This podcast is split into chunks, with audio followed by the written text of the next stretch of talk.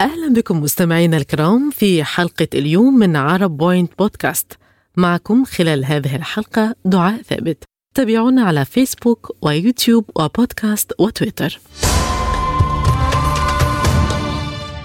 مستمعينا الكرام أهلا بكم.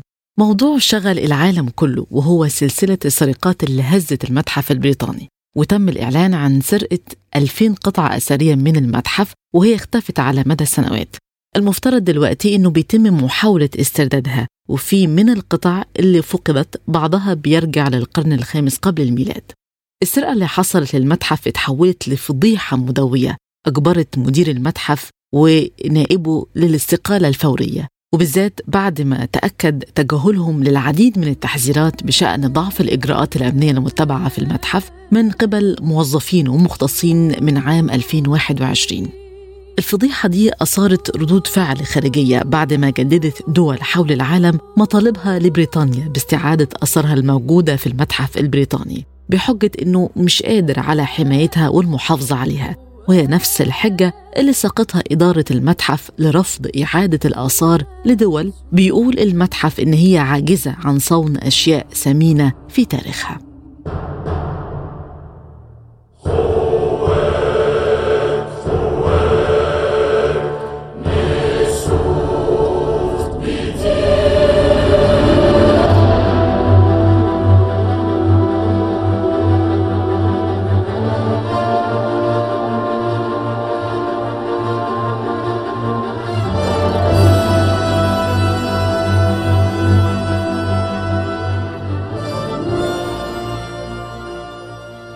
ووفق التصريحات الرسمية الصادرة من المتحف لحد دلوقتي اختفت القطع الأثرية قبل بدء عام 2023 وعملية السرقة امتدت على فترة زمنية وما حصلتش مرة واحدة.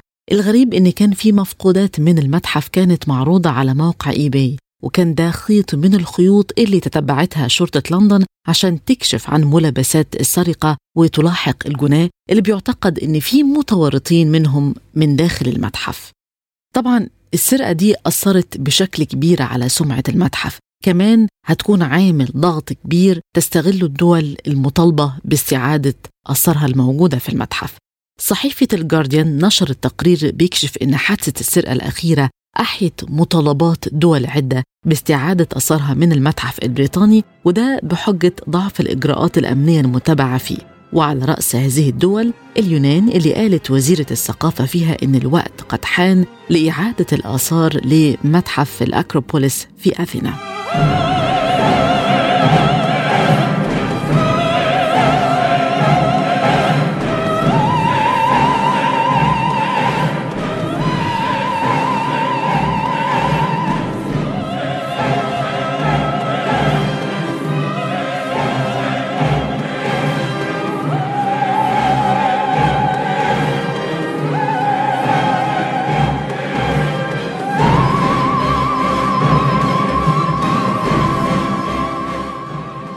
مصر من الدول اللي عندها آثار هامة في المتحف البريطاني وأبرزها حجر رشيد وقطع تانية وبتطالب بعودة القطع دي.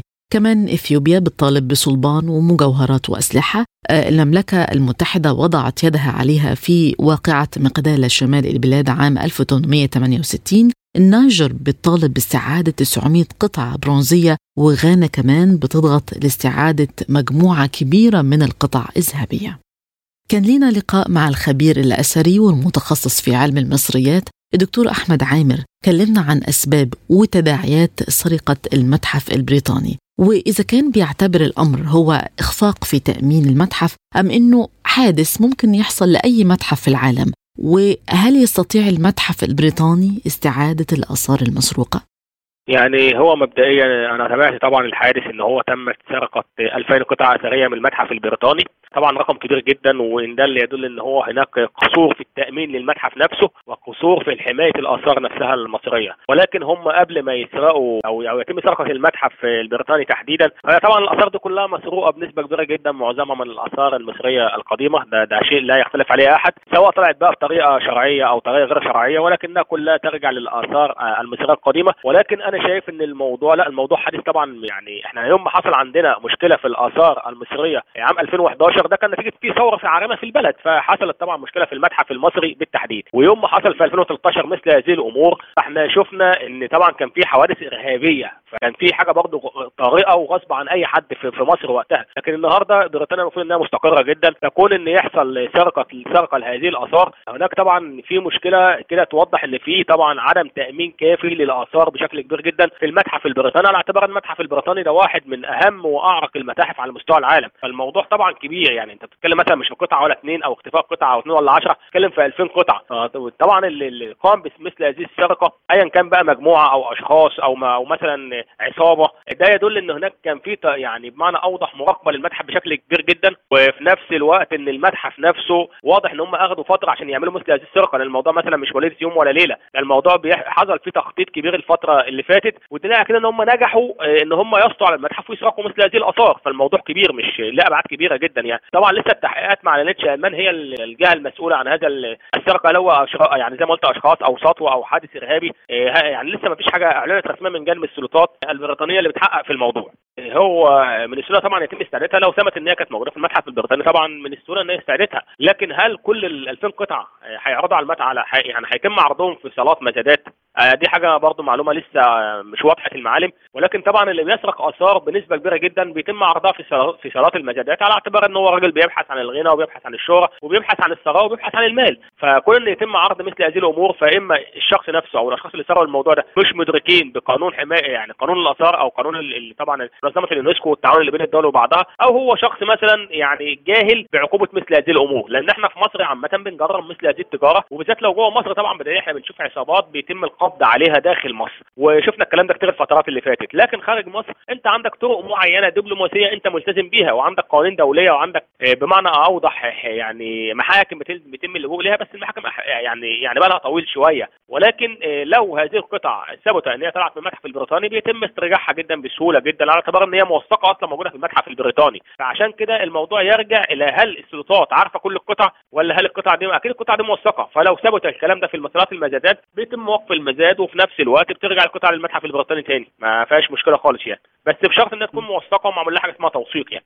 غير موثقة يبقى ممكن ما ترجعش. لأن طبعا مش هيتم إثبات إن هي تبع المتحف. مش مش هترجع. لأن ده, ده اللي بيحدث في مصر. لو في قطع أثرية مش مسجلة تبع تعداد الآثار ما بترجعش خلاص بتبقى ايا كان بقى ما بتعرفش ترجعها بكل أسف. فنفس الكلام هينطبق على المتحف البريطاني. طالما قطع مش موثقة لم يتم إرجاعها مرة أخرى. صعب هيبقى صعب جدا. إلا لو ثبت إن الحادث ده يعني القطع دي تم بمعنى أوضح سرقتها وبيعها داخل بريطانيا هترجع. لكن لو خارج بريطانيا مش هترجع. بكل اسف مثلها مثل الكثير من الاثار يعني لما حصل يعني طبعا بريطانيا أخذت بعد هزيمة فرنسا في ابو كير البحرية كانوا كل هذه الاثار اللي قامت البعثه الحملة الفرنسية استخراجها كان من ضمن الشروط إن يتم تسليم جميع الاثار اللي تم استخراجها في مصر من 1799 ل 1802 اللي كان من ضمنها حجر رشيد بالتحديد. فعشان كده إحنا بنقول هيبقى الموضوع هيبقى الموضوع صعب. لا مش موثقة لكن لو داخل بريطانيا هيتم ارجاعها لكن خارج الحدود البريطانية أو الإنجليزية هيبقى صعب إنها ترجع.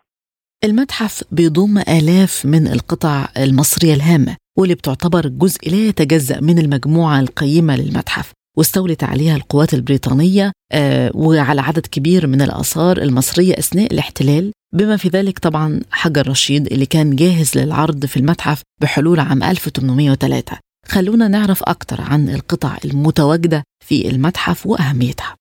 لا هو أهمية القطع طبعا إن هي بتتكلم عن حضارة حضارة المصريه القديمة ده يعني معظم المتاحف يعني اللي خارج بمعنى أوضح الدولة الدولة المصرية. هناك أكثر من مليون قطعة أثرية خارج خارج المتاحف المصرية. فعشان كده الموضوع هيبقى صعب. لكن ابرزهم طبعا حجر رشيد لأن الكلام كله دلوقتي داير على حجر رشيد. حجر رشيد ليه؟ لأن نسخه فريدة من نوعها ما فيش زيه في حجر رشيد. فعشان كده وإحنا بنتكلم عن حجر رشيد يمكن أبرز القطع اللي هي السرقات. معظمها بقى في تماثيل لرمسيس الثاني في حاجات ثانية لل... لل... طبعا الاثار المصرية متنوعة ومختلفة. فعشان كده وإحنا بنتكلم مثل هذه الأمور بنقول إن الموضوع آه، أشهرهم حجر رشيد. ولكن حجر رشيد ما سرقش. يعني إحنا بنتكلم عن أبرز القطع اللي موجودة بره كتير. يعني عندك في طبعا في ألمانيا نفرتيتي. يعني بتقول كام فلك نيفرتيتي؟ دي معروفة. في طبعا في فرنسا برضه آه، تماثيل كتير جدا لملك رمسيس الثاني. في مسلات طبعا موجودة خارج مصر زي تركيا وفرنسا الكونكورد في, باريس المسلات المصرية. في معبد مثلا كامل في أسبانيا. لكن طالما إحنا بنتكلم عن بريطانيا هو اشهر طبعا حجر رشيد لكن القطع كلها بتبقى معظمها التماثيل يعني متنوعة للحضارة المصرية القديمة. فهي هل هي التماثيل كلها يعني طبعا التماثيل كلها مش هتبقى أحجام كبيرة. لأن معظم اللي سرق تعالى مثلا تمثال مثلا يكون 30 40 طن سرق هي كلها حاجات هتبقى من الحاجات الصغيرة.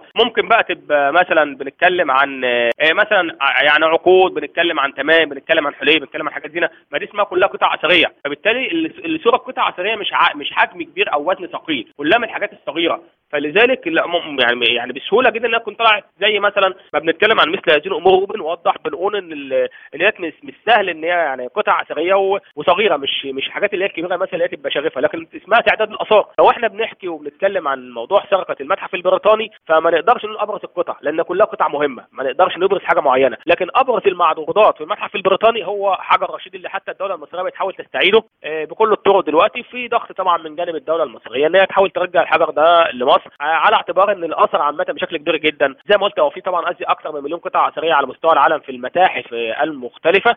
فلذلك وإحنا بنحكي عن هذا الأمر أنت مش هترجع مليون قطعة طبعا. لكن لو لو نجحت ترجع مثلا حجر زي حجر رشيد نفرتيتي ممكن يبقى في بادرة أمل إنك ترجع معظم القطع الأثرية المهربة خارج البلاد سواء بطريقة شرعية أو غير شرعية. فالموضوع برضه مش سهل إنك ترجع مثل هذه القطع برضه زي ما إحنا بنتكلم لأن في حملة دكتور زي حواس عامل مبادرة إن هي ان الناس توقع على وثيقة إلكترونية إن هي حاجة رشيد. بس أنا من وجهة نظري هي محاولة لكن صعب إن هي إن هي تنجح. على اعتبار إن الآثار ما بترجعش بالوثائق الإلكترونية أو مثلا بالتوقيعات وإلا كنا عملنا الموضوع ده من زمان. يعني إحنا النهارده مش عارفين نرجع نفس الفرتيتي في تماثيل كتير اتباعت الفترات اللي فاتت. إحنا مش عارفين نرجعها على اعتبار إن هي خرجت غير شرعية مش موثقة تبع تعداد سجلات آه، وزارة السياحة والآثار. عشان كده أنا بقول السرق من المتحف البريطاني آه، الحاجات العادية جدا آه، ولكن لها لها قيمة. يعني مفيش حاجة اسمها في الآثار سواء صغيرة أو كبيرة مالهاش قيمة. لكن كل هذه الآثار لها قيمة بشكل كبير جدا. ويعني في نفس الوقت أنا أتمنى إن ترجع مصر على اعتبار إن هو الأثر لو خرج يعني تم عرضه في مكان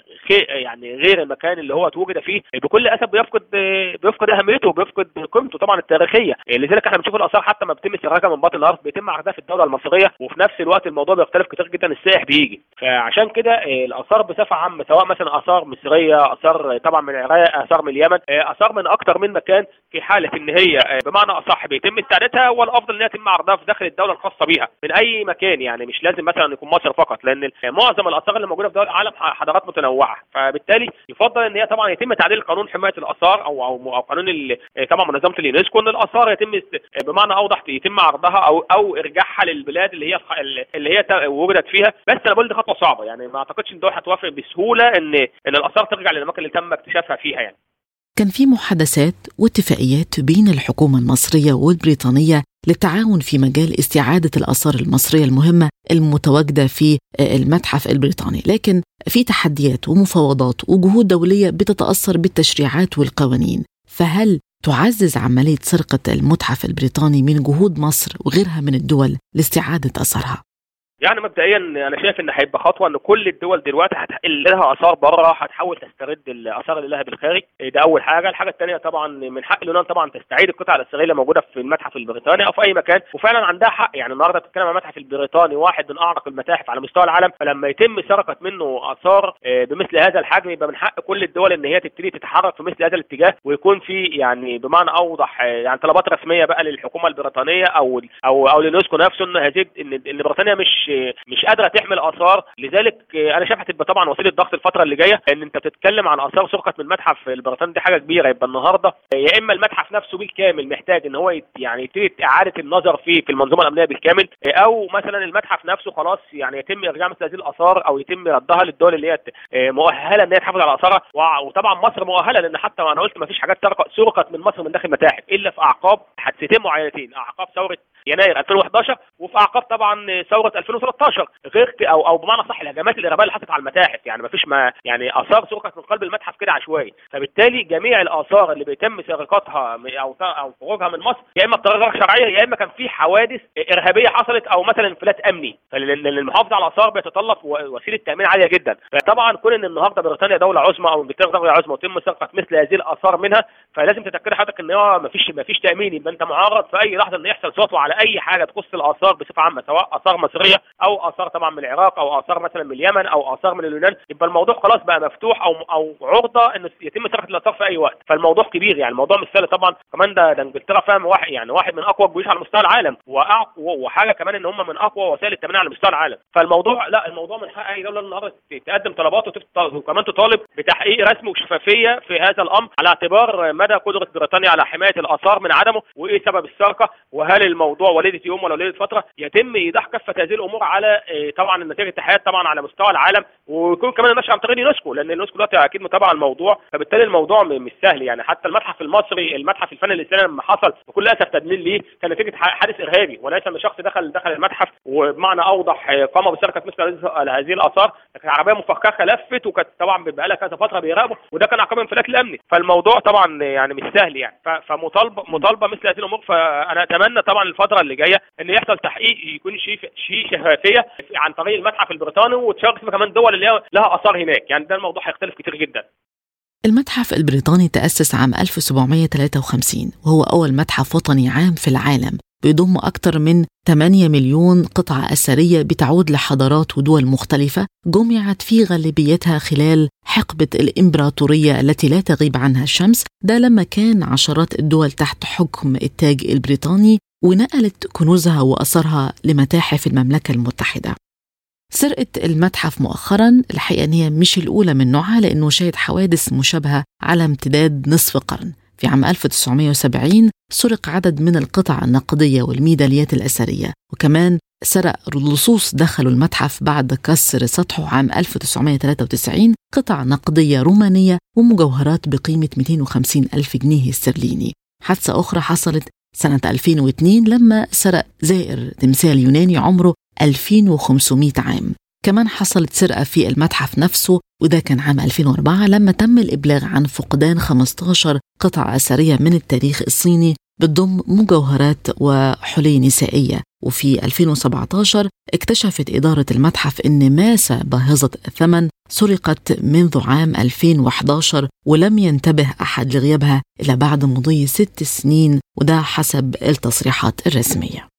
خلصت حلقة اليوم من عرب بوينت بودكاست. بشكر ضيف الحلقة الدكتور أحمد عامر الخبير الأثري والمتخصص في علم المصريات. شكر موصول لكم مستمعينا الكرام. تابعونا على بودكاست يوتيوب وفيسبوك وإكس.